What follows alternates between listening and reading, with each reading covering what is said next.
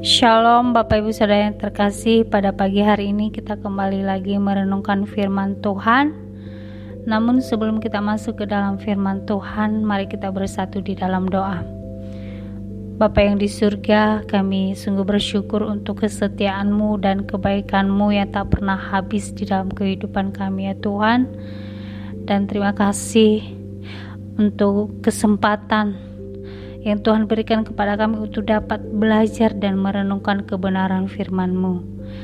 Kiranya Tuhan Allah senantiasa mengajarkan kami untuk dapat memahami dan mengerti kebenaran firman-Mu sehingga kami dapat melakukannya di dalam kehidupan kami ya Tuhan.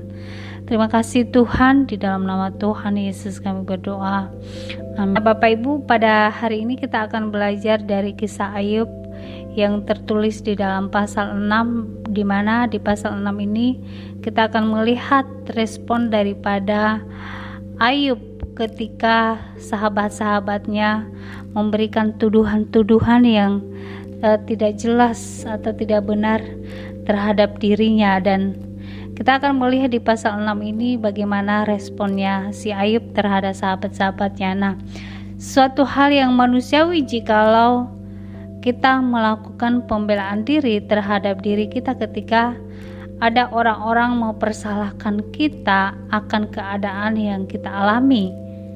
Nah, hampir semua pasti semua orang di dunia ini sebagai manusia yang normal memiliki kecenderungan untuk membela dirinya.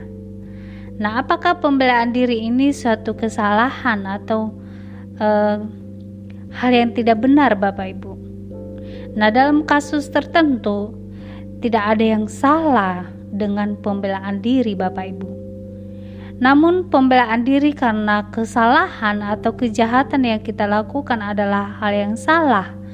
Karena jika kita bersalah, maka kita tidak harus seharusnya membela diri, melainkan kita mengaku salah atau meminta maaf atau bertobat Nah, di dalam kasusnya Ayub, kita mendapati pembelaan diri yang benar dari seorang Ayub ketika sahabatnya yaitu si Elifas menduduh dia berbuat dosa atau berbuat kesalahan sehingga Tuhan menimpakan malapetaka kepada Ayub. Nah, kemudian Ayub memberikan respon terhadap perkataan-perkataan atau tuduhan-tuduhan Elifas kepadanya dengan jawaban yang sangat bijaksana dan uh, jawaban yang bisa dikatakan jawaban yang jujur yang ia rasakan di dalam dirinya Bapak Ibu. Nah, ketika Elifas mendengarkan keluhan Ayub yang tertulis di dalam pasal 3, kemudian memberikan respon terhadap kemudian Elifas memberikan respon terhadap keluhan itu dengan mengatakan kepada Ayub di pasal 4 ayat 2 Kesalkah engkau bila orang mencoba berbicara kepadamu tetapi siapakah dapat tetap menutup mulutnya? Di sini Elifas tidak menyukai keluhan Ayub karena menganggap Ayub telah bersalah dan melakukan kejahatan sehingga Tuhan menimpakan malah kemalangan kepada Ayub. Nah, kita bisa melihat di pasal 4 sampai pasal 5 di mana Ayub hanya diam dan mendengarkan. Dia tidak membela dirinya sepanjang kedua pasal ini Bapak Ibu yaitu di pasal 4 dan pasal 5 dia hanya diam dengan tuduhan-tuduhan yang dilemparkan oleh sahabat-sahabatnya dan sikap yang diberikan oleh Ayub ini dapat dikatakan sikap yang sangat luar biasa baiknya Bapak Ibu. Tepat jika dikatakan bahwa Ayub itu adalah orang yang saleh. Karena di dalam pergumulannya yang berat, Ayub tetap menghargai dan mendengarkan perkataan dari sahabatnya yaitu Elifas tanpa membantah dan membela dirinya Bapak Ibu. Kemudian barulah kita melihat di dalam pasal 6 di mana Ayub memberikan jawaban terhadap perkataan yang disampaikan oleh Elifas kepadanya Kita akan melihat di dalam pasal 6 ayat 2 di mana Ayub mengatakan, "Ah, hendaklah kiranya kesalahan hati kekesalan hatiku ditimbang dan kemalanganku ditaruh bersama-sama di atas neraca." Nah, di dalam ayat ini Ayub ingin menyampaikan jikalau Elifas kesal karena keluhannya di dalam pasal 3 itu maka Coba ditimbang perkataan di dalam pasal 3 itu, maka hasilnya akan lebih ringan karena penderitaan yang dialami oleh Ayub lebih berat daripada keluhan yang ia ucapkan. Bahkan beratnya pergumulan Ayub ia sampaikan dengan ungkapan yang demikian di dalam pasal di dalam ayat 6 sampai 7 dikatakan dapatkah makanan tawar dimakan tanpa garam atau apakah putih telur ada rasanya? Aku tidak sudi menjamahnya. Semuanya itu makanan yang memualkan bagiku. Di sini Ayub mengibaratkan penderitaan itu seperti makanan tawar dan putih telur yang tidak ada rasanya dan kemudian membuat orang yang memakannya itu akan mual dan muntah. Betapa pedihnya hati Ayub dengan keadaannya saat itu seolah-olah Allah meninggalkan dia. Nah, di dalam keadaan seperti ini, Bapak Ibu, Ayub mengutarakan keinginannya, yaitu dia ingin Allah mencabut nyawanya karena penderitaan yang begitu berat ia rasakan. Dikatakan di ayat 8 sampai 9, Ah, kiranya terkabul permintaanku dan Allah memberi apa yang kuharapkan. Kiranya Allah berkenan meremukan aku, kiranya Ia melepaskan tangannya dan menghabisi nyawaku. Namun Bapak Ibu, ini bukanlah perkataan putus asa yang disampaikan oleh Ayub. Dikatakan di dalam ayat 10, itulah yang masih merupakan hiburan bagiku Bahkan aku akan melompat-lompat kegirangan di waktu kepedihan yang tak kenal belas kasihan, sebab aku tidak pernah menyangkal firman yang maha kudus. Nah, di sini Ayub ingin memberikan penekanan kepada kebahagiaan yang ia akan dapatkan.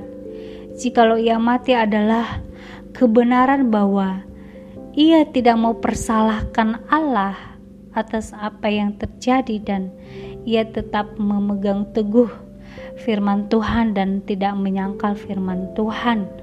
Nah, di dalam perkataan-perkataan ini Ayub juga mengingatkan kepada sahabat-sahabatnya yang tampaknya begitu takut tertimpa malapetaka seperti yang dialami oleh Ayub sehingga menuduh Ayub sebagai orang yang berdosa di mana Allah menjatuhkan hukuman kepada Ayub. Nah, mereka takut jikalau mereka berbelas kasihan. Jangan-jangan tindakan mereka dianggap sebagai tindakan menentang Allah yang sedang menghukum Ayub, sehingga mereka pun akan dihukum karena mereka membela Ayub. Nah, Ayub memberikan jawaban kepada sikap mereka itu dengan mengatakan di dalam pasal di dalam ayat 14 Siapa menahan kasih sayang terhadap sesamanya, melalaikan takut akan yang maha kuasa. Nah, Ayub ingin mengingatkan mereka bahwa tindakan takut mereka seperti yang tertulis di dalam ayat 21 demikian dikatakan demikianlah kamu sekarang bagiku ketika melihat yang dahsyat takutlah kamu untuk menolong Ayub adalah merupakan tindakan yang menentang Allah.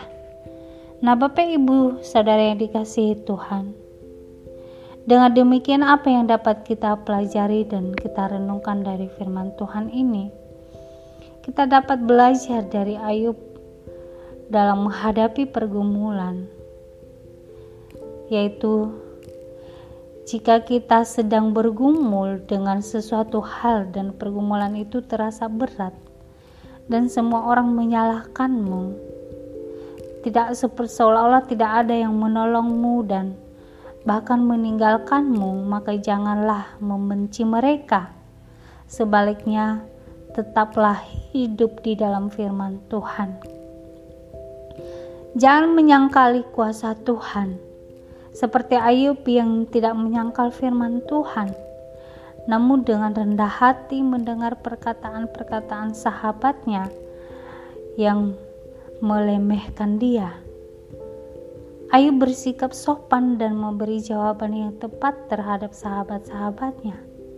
Nah, Bapak Ibu, jika kita sedang ada dalam masalah atau pergumulan, janganlah gampang untuk marah dan membenci, sebaliknya bersikaplah seperti Ayub Bapak Ibu.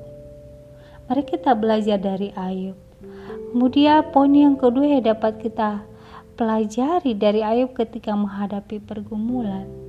Pembelaan diri Ayub merupakan pembelaan terhadap tuduhan sahabatnya yang tidak memahami pergumulannya dan dengan pikiran yang sempit menganggap bahwa ia kena kutuk atau hukuman dari Allah, Ayub tidak membela diri karena ia bersalah, melainkan ia membela diri karena ia tidak bersalah dan tidak berdosa di hadapan Allah.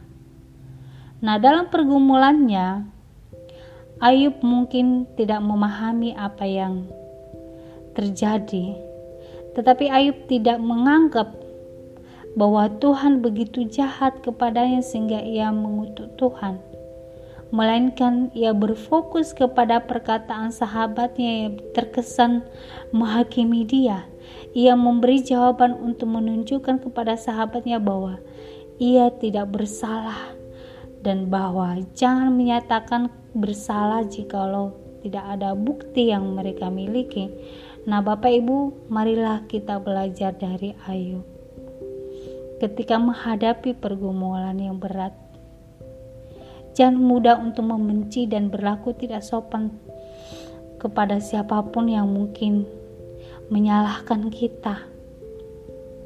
Sebaliknya, berikanlah jawaban kepada mereka dengan pembelaan diri yang benar, karena kita tidak bersalah atau tidak melakukan kesalahan. Jadi, jangan membela diri jika kita melakukan kesalahan atau berbuat jahat, Bapak Ibu. Nah, demikianlah renungan pada pagi hari ini. Mari kita bersatu di dalam doa. Bapa kami yang baik, kami bersyukur untuk firman-Mu. Kiranya Tuhan menolong kami untuk hidup di dalam kebenaran-Mu tidak menyangkal firman-Mu di saat kami dalam pergumulan. Berikan kami hati yang benar untuk tetap bersikap benar dalam menghadapi pergumulan kami. Terima kasih ya Tuhan. Kami juga berdoa untuk pembelian tanah dan pembangunan gedung gereja GSC Bethesda Ministry ya Tuhan. Kiranya Tuhan menolong dan mencukupkan semua biaya yang diperlukan dan kami juga berdoa menyerahkan hamba-hamba Tuhan yang terlibat di dalam pengurusan surat-surat pembelian tanah ini ya Tuhan. Kiranya Tuhan perlancar semuanya sehingga semuanya bisa berjalan dengan baik ya Tuhan. Di dalam nama Tuhan Yesus kami berdoa haleluya. Amin.